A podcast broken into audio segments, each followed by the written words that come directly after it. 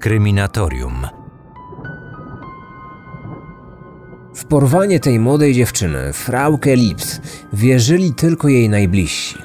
Policja uparcie przekonywała rodzinę, że 21-letnia studentka pielęgniarstwa po prostu uciekła z domu. W międzyczasie dziewczyna kilka razy kontaktowała się ze swoim byłym chłopakiem.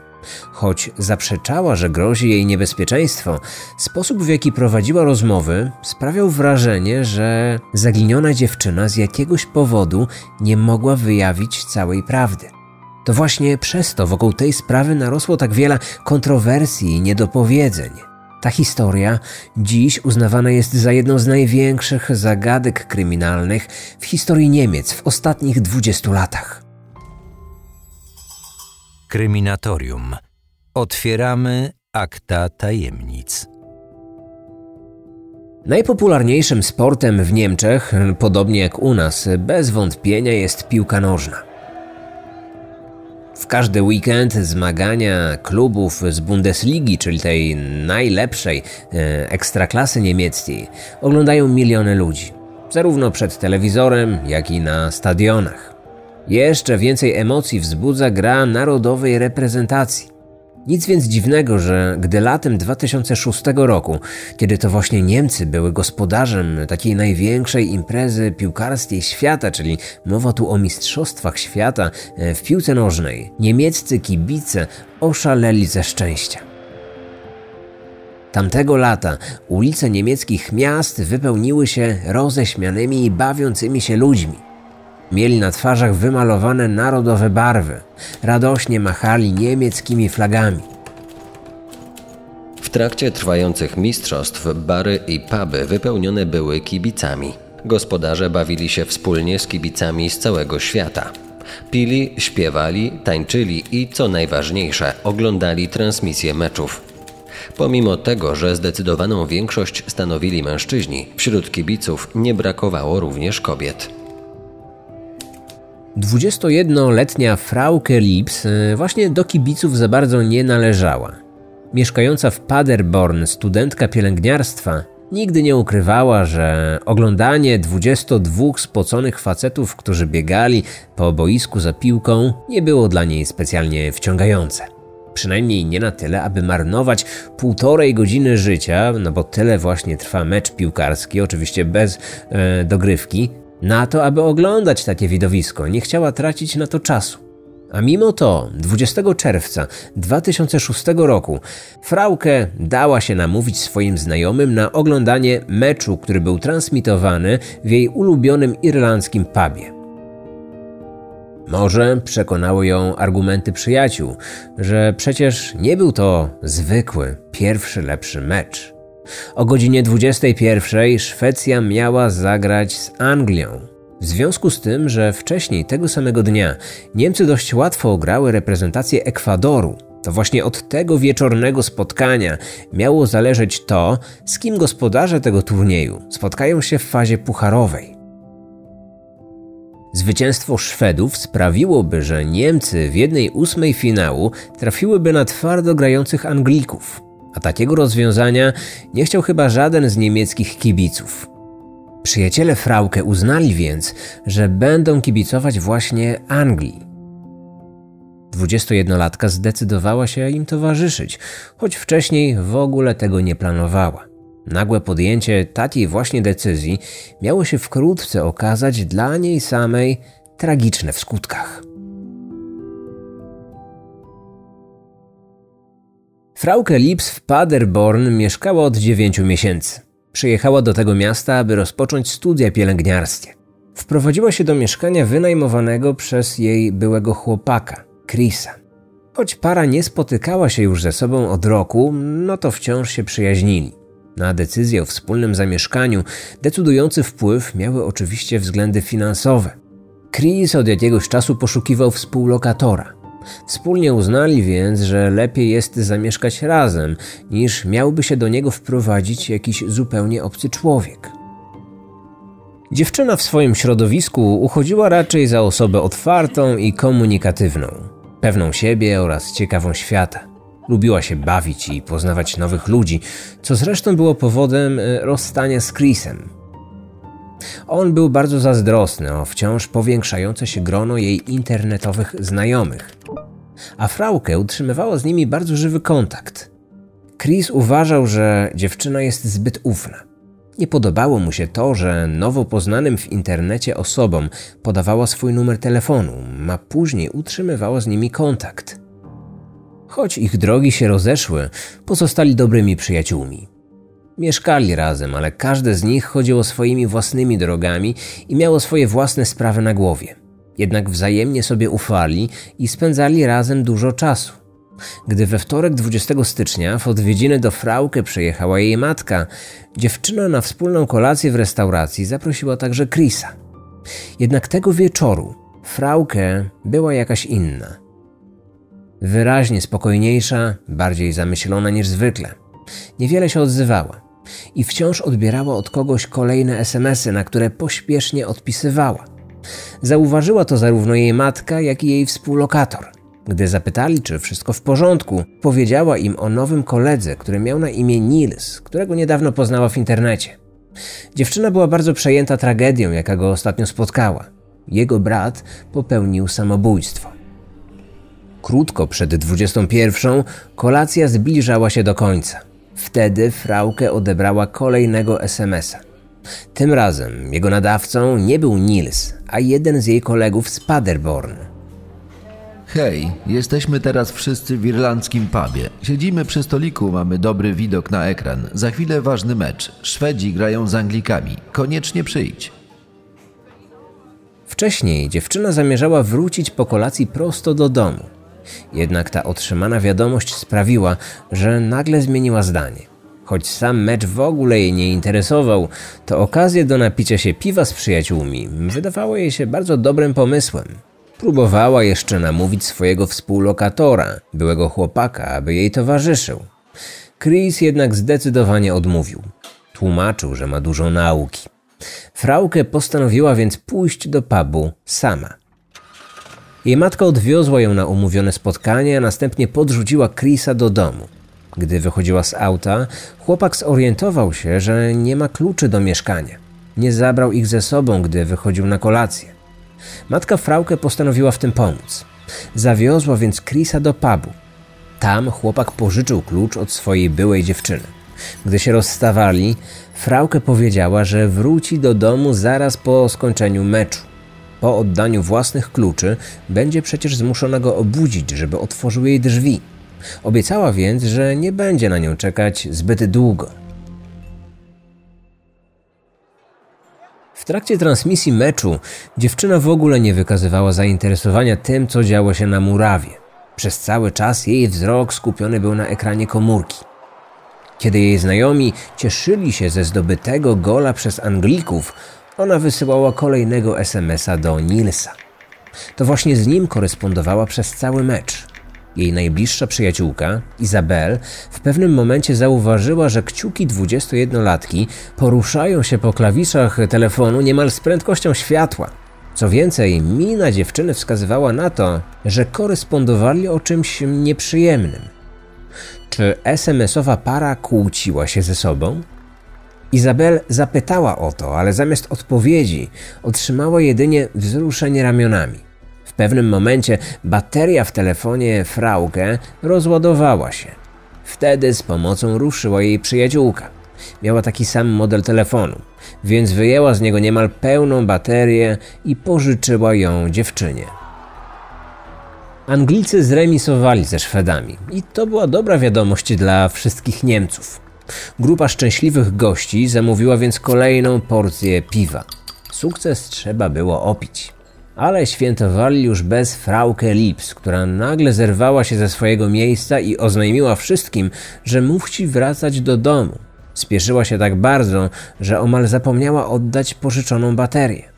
Gdy była już za drzwiami pubu, wróciła, wyjęła baterię ze swojego telefonu i przekazała ją koleżance z podziękowaniami. Zegar nad barem wskazywał wtedy 23. Do domu miała niespełna półtora kilometra, około 30 minut piechotą. No, może trochę więcej, biorąc pod uwagę, że wcześniej dziewczyna wypiła kilka dużych piw. Ale i tak, powinna dojść tam nie później niż o północy.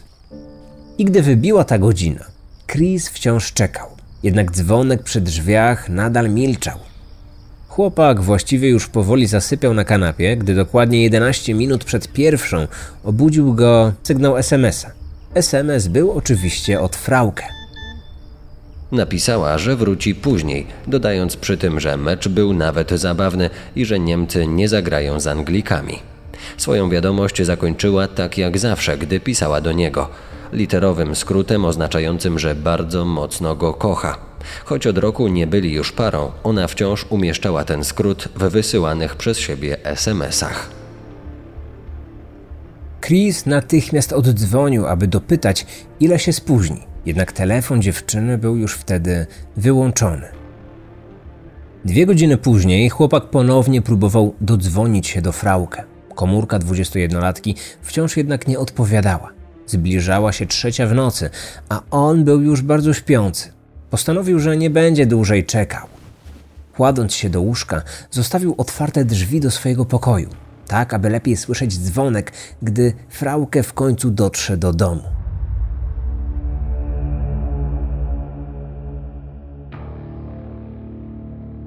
Rano, jeszcze przed budzikiem, do Chrisa zadzwoniła Izabel.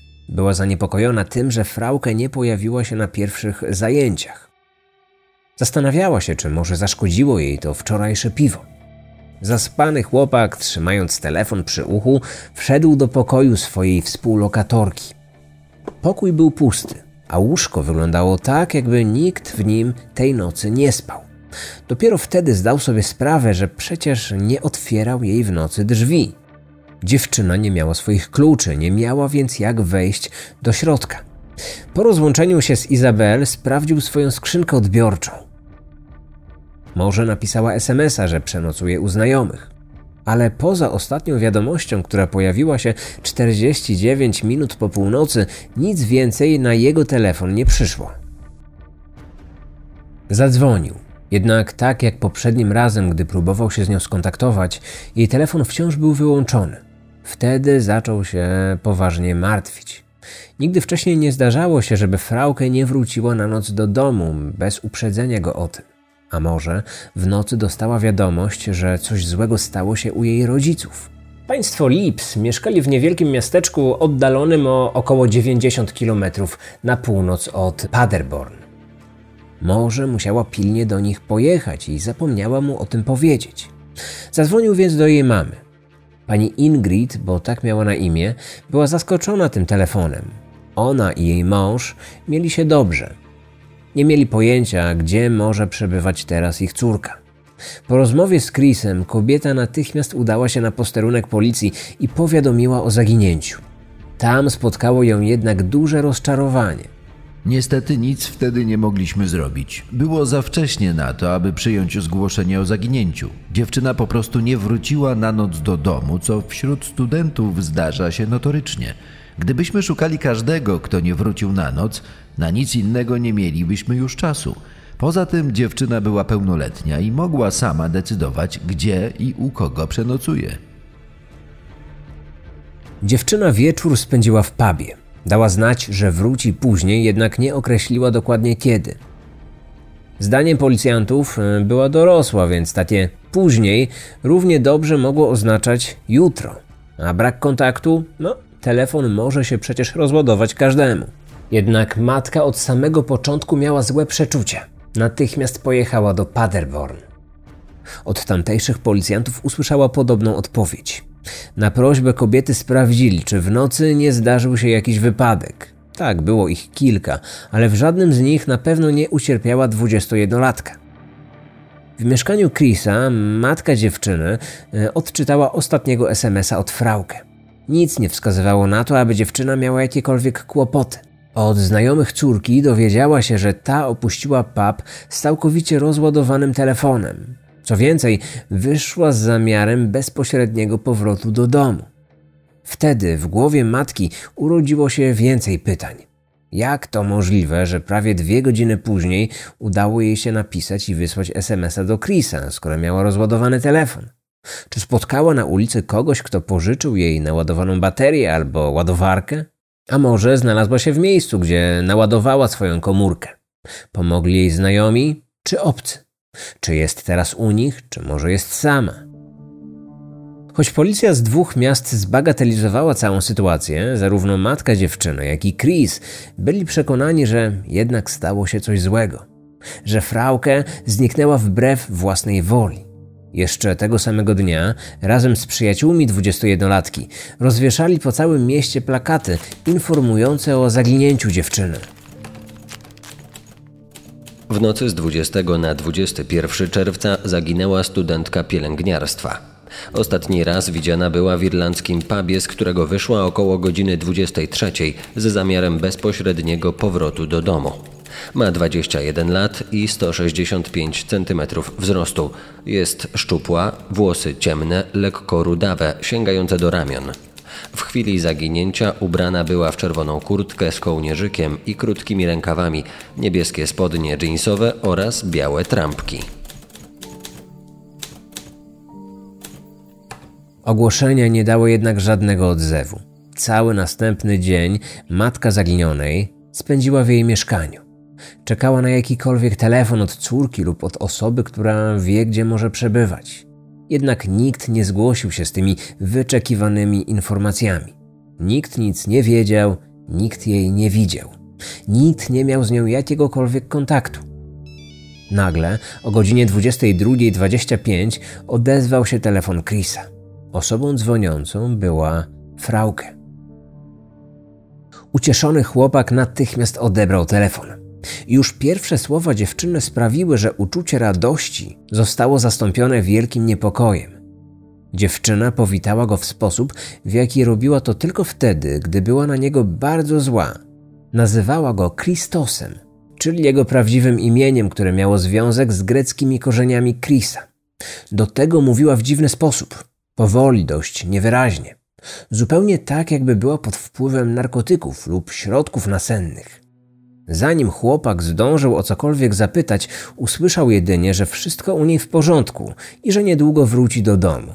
Poprosiła również, aby o tym fakcie nie informować rodziców. No, na to było już za późno. Następnie się rozłączyła. Chłopak próbował oddzwonić, ale nie mógł się już połączyć. Wszystko wskazywało na to, że telefon Frauke znów został wyłączony. Matka nie traciła nadziei, że jej córka wkrótce pojawi się w domu. Jednak mijały kolejne godziny, a ta wciąż nie wracała. Po nieprzespanej nocy przyszedł piątek. Był 23 czerwca. Kolejny dzień bez fraukę. Kilka godzin później w mieszkaniu Chrisa i Frauke zjawił się ojciec oraz brat zaginionej. Wszyscy próbowali zrozumieć, co mogło się stać. Dlaczego, pomimo zapewnień, dziewczyna nie wróciła do domu? Co ją zatrzymało? Może zjawi się dziś wieczorem. Cztery minuty po 23 ich rozważania przerwał odebrany przez Chrisa SMS od Frauke. Informowała w nim, że jest w mieście i że wróci do domu jeszcze dziś. Brat dziewczyny natychmiast do niej oddzwonił. Odebrała jednak na jego pytania, gdzie jest i co właściwie robi, Frauke enigmatycznie odpowiedziała, żeby o nic nie pytał, bo i tak nie może mu nic powiedzieć. Czekając na jej zapowiedziany powrót, wszyscy zastanawiali się, co właściwie oznaczały jej słowa. Dlaczego nie może o niczym powiedzieć? Nie wie, gdzie jest? A może ktoś zabronił jej o tym mówić? Czyżby było to potwierdzenie tych najgorszych myśli, które pojawiały się u każdej z tych osób, że 21-latka została przez kogoś uprowadzona? Czyżby porywacz kontrolował każde jej słowo? Następnego dnia matka ponownie zgłosiła się na policję i kolejny raz została odprawiona z kwitkiem przez funkcjonariuszy. Nie bardzo rozumiem, dlaczego chce pani zgłosić zaginięcie córki. Przecież ona utrzymuje z państwem regularny kontakt. Żyje i twierdzi, że wszystko u niej w porządku. Przecież zapowiedziała, że niedługo wróci. Może po prostu chce trochę odpocząć od rodziny. Choć wiem, że rodzicom trudno przyjąć ten fakt do wiadomości, ale zapewniam, że takie sytuacje często się zdarzają. Takie zachowanie oraz jej słowa nie były do niej podobne. Nigdy wcześniej tak się nie zachowywała. Potwierdzeniem tego jest następny telefon. Miał on miejsce w sobotę, 24 czerwca.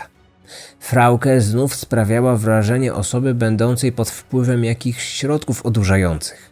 Chris zdążył jedynie zapytać, czy wydarzyło się coś złego. W odpowiedzi usłyszał stanowcze nie. Zanim dziewczyna się rozłączyła, powiedziała jeszcze, że jest w mieście. Sam fakt, że o tym wspomniała, nie był jeszcze dziwny, ale to, że frazę tę powtórzyła aż trzy razy, zaniepokoiło wszystkich.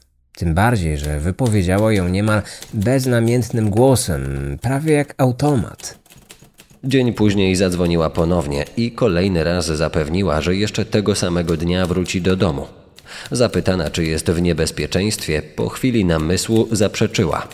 Na inne szczegółowe pytania nie chciała odpowiedzieć. Za każdym razem powtarzała tylko, że nie może o tym mówić i że wszystko wyjaśni, jak już wróci. W poniedziałek 26 czerwca nie odezwała się, choć wszyscy czekali na jej telefon lub choćby krótkiego SMS-a. Tak jak i we wtorek. 27 czerwca, po całym dniu wyczekiwania, krótko przed 23, rodzice dziewczyny postanowili wrócić do swojego domu.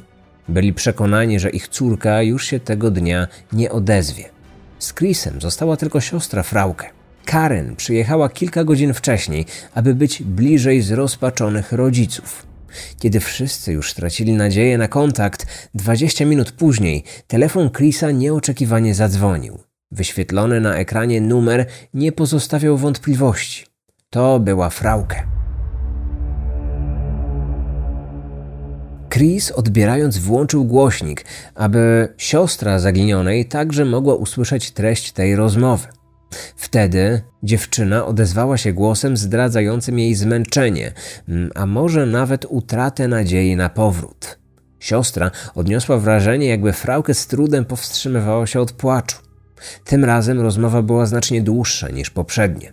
Trwała około pięciu minut. Jej szczegółowy zapis można łatwo znaleźć w internecie. Warto się z nią zapoznać, ponieważ zawiera jeszcze więcej znaków zapytania i wątpliwości niż te wcześniejsze. Poza powtarzającymi się nieustannie odpowiedziami w stylu nie mogę tego powiedzieć i później wam to wyjaśnię, Frauke zapytana, czy jest gdzieś siłą przetrzymywana, najpierw półszeptem odpowiedziała, że tak, jednak od razu poprawiła się już znacznie głośniej dwukrotnie temu zaprzeczyła. Kiedy Chris zapytał, dlaczego jej nie ma, usłyszał, że on wie dlaczego. Chłopak zaprzeczył, a następnie dopytał, czy to dlatego, że poznała nowego faceta.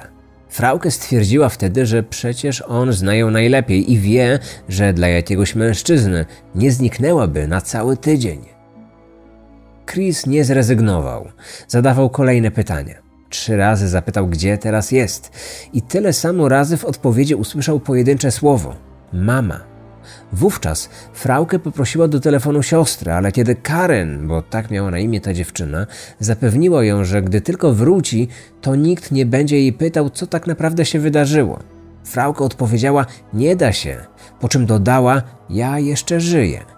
Wtedy w rozmowę wtrącił się Chris. Poprosił, aby Frauke odezwała się do niego przynajmniej raz dziennie. 21-latka najpierw zapewniła, że tak właśnie zrobi, ale chwilę później rozłączyła się. Po zakończonej rozmowie Karen rozpłakała się. Była przekonana, że słowa jej siostry brzmiały jak ostatnie pożegnanie. Tylko dlaczego? Nikt nadal nie umiał odpowiedzieć na to pytanie. Co więcej, dlaczego Frauke na niektóre pytania odpowiadała w tak dziwny i niezrozumiały sposób? Co wspólnego miała mama z miejscem jej pobytu? Co tak naprawdę powinien wiedzieć Chris? Czego nie da się zrobić, jeśli dziewczyna wciąż żyje? Wiele pytań, żadnych odpowiedzi. Chris od samego początku uważał, że cała ta zagadka wynikała jedynie ze złego stanu psychicznego tej dziewczyny. Być może, na co wskazywała e, dość niewyraźna mowa, dziewczyna wciąż była pod wpływem jakichś środków odurzających. Jednak nie zgadzały się z tym zarówno Karen, jak i jej matka, która jeszcze tego samego wieczoru poznała treść całej rozmowy. Zdaniem obu kobiet, Frauke dawała im wyraźne wskazówki związane z miejscem jej przetrzymywania. Przecież jeżeli naprawdę została uprowadzona, a jej porywacz w trakcie tej rozmowy no, na przykład stał, siedział tuż obok, to nie mogła dawać im jasnych sygnałów, nie mogła powiedzieć wprost, gdzie się znajduje. Jeśli rzeczywiście były to przemyślane wskazówki, to nikomu nie udało się ich rozszyfrować. Następnego dnia rodzina ponownie próbowała zgłosić na policji porwanie tej dziewczyny. Powoływano się przy tym na treść ostatniej rozmowy. Jednak i tym razem policjanci podeszli do całej sprawy w sposób bardzo niechętny i lekceważący.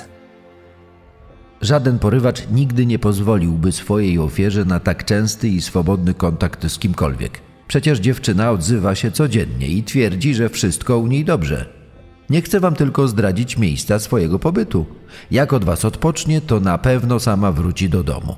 A jeśli się kontaktuje z rodziną, to nie może być również mowy o jakimkolwiek zaginięciu. Ostatecznie, po wyraźnych naciskach matki, policja przyjęła zgłoszenie o zaginięciu. Jednak funkcjonariuszom nie udało się ustalić miejsca jej pobytu.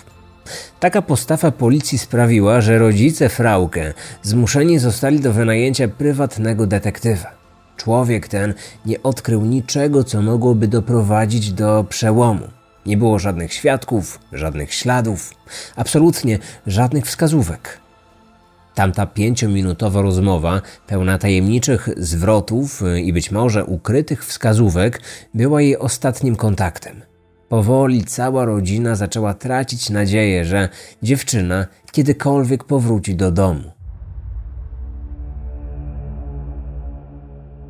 4 października 2006 roku w okolicach miasteczka Lichtenau, oddalonego o kilkanaście kilometrów od Paderborn, myśliwy polujący w lesie na dziki natknął się na ludzkie zwłoki.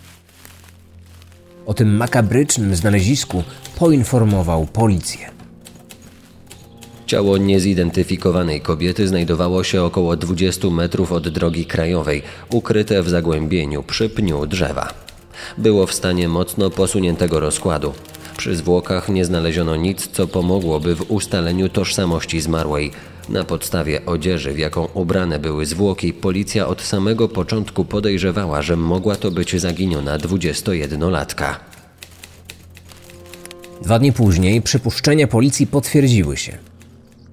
Zrozpaczeni rodzice zostali poinformowani, że ich córka, Frauke Lips, nie żyje, a jej szczątki zostały odnalezione. Jeszcze tego samego dnia policja rozpoczęła śledztwo mające wyjaśnić, czy dziewczyna została zamordowana. Ze względu na zbyt zaawansowany rozkład ciała, sekcja zwłok nie wyjaśniła przyczyn śmierci. Nie udało się również ustalić dokładnego czasu zgonu. Śledczy przyjęli jednak, że śmierć nastąpiła krótko po ostatnim telefonie Frauke. Na miejscu odkrycia zwłok nie odnaleziono żadnego DNA oraz śladów mogących wskazywać na sprawcę. Przy ciele nie było rzeczy osobistych Frauke, takich jak portfel, dokumenty czy jej telefon komórkowy.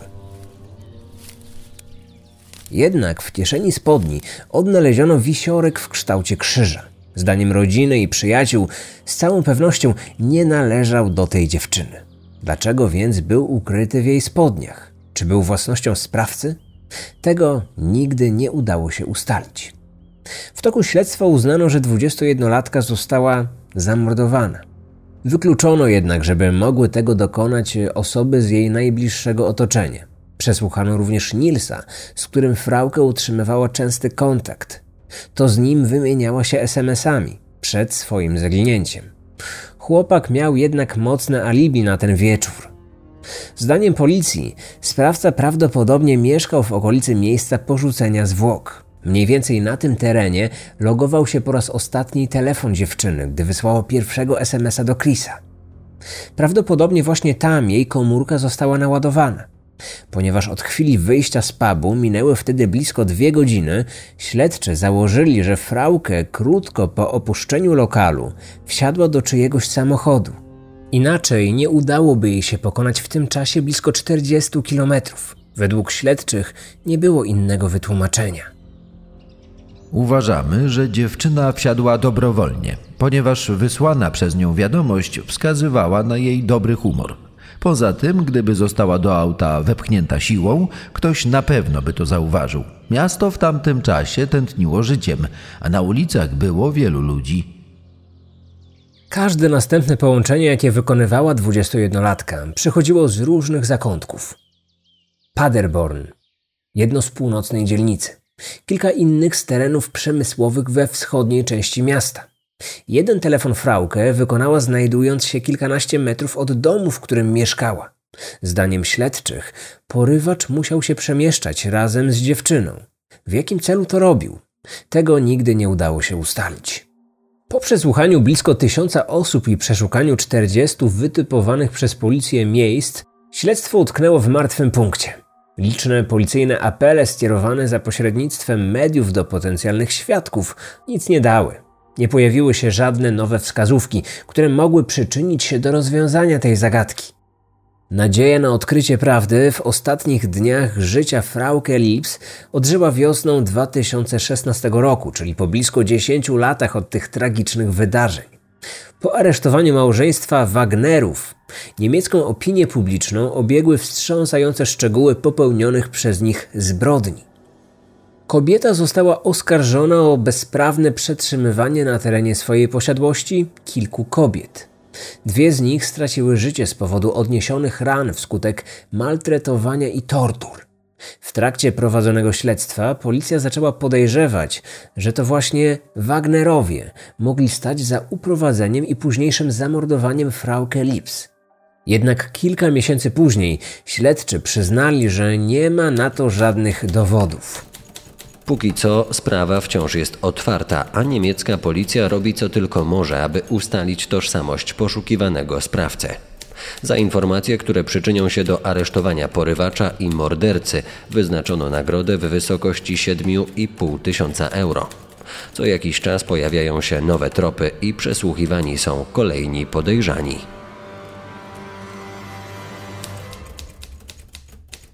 Ostatnia wskazówka obiegła Niemcy e, pod koniec listopada w ubiegłym roku.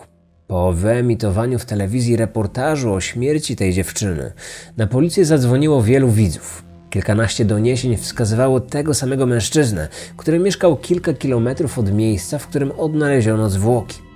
Człowiek ten został zatrzymany i przesłuchany. Od tamtej pory nie ujawniono mediom żadnych informacji, które e, były związane z tymi podejrzeniami.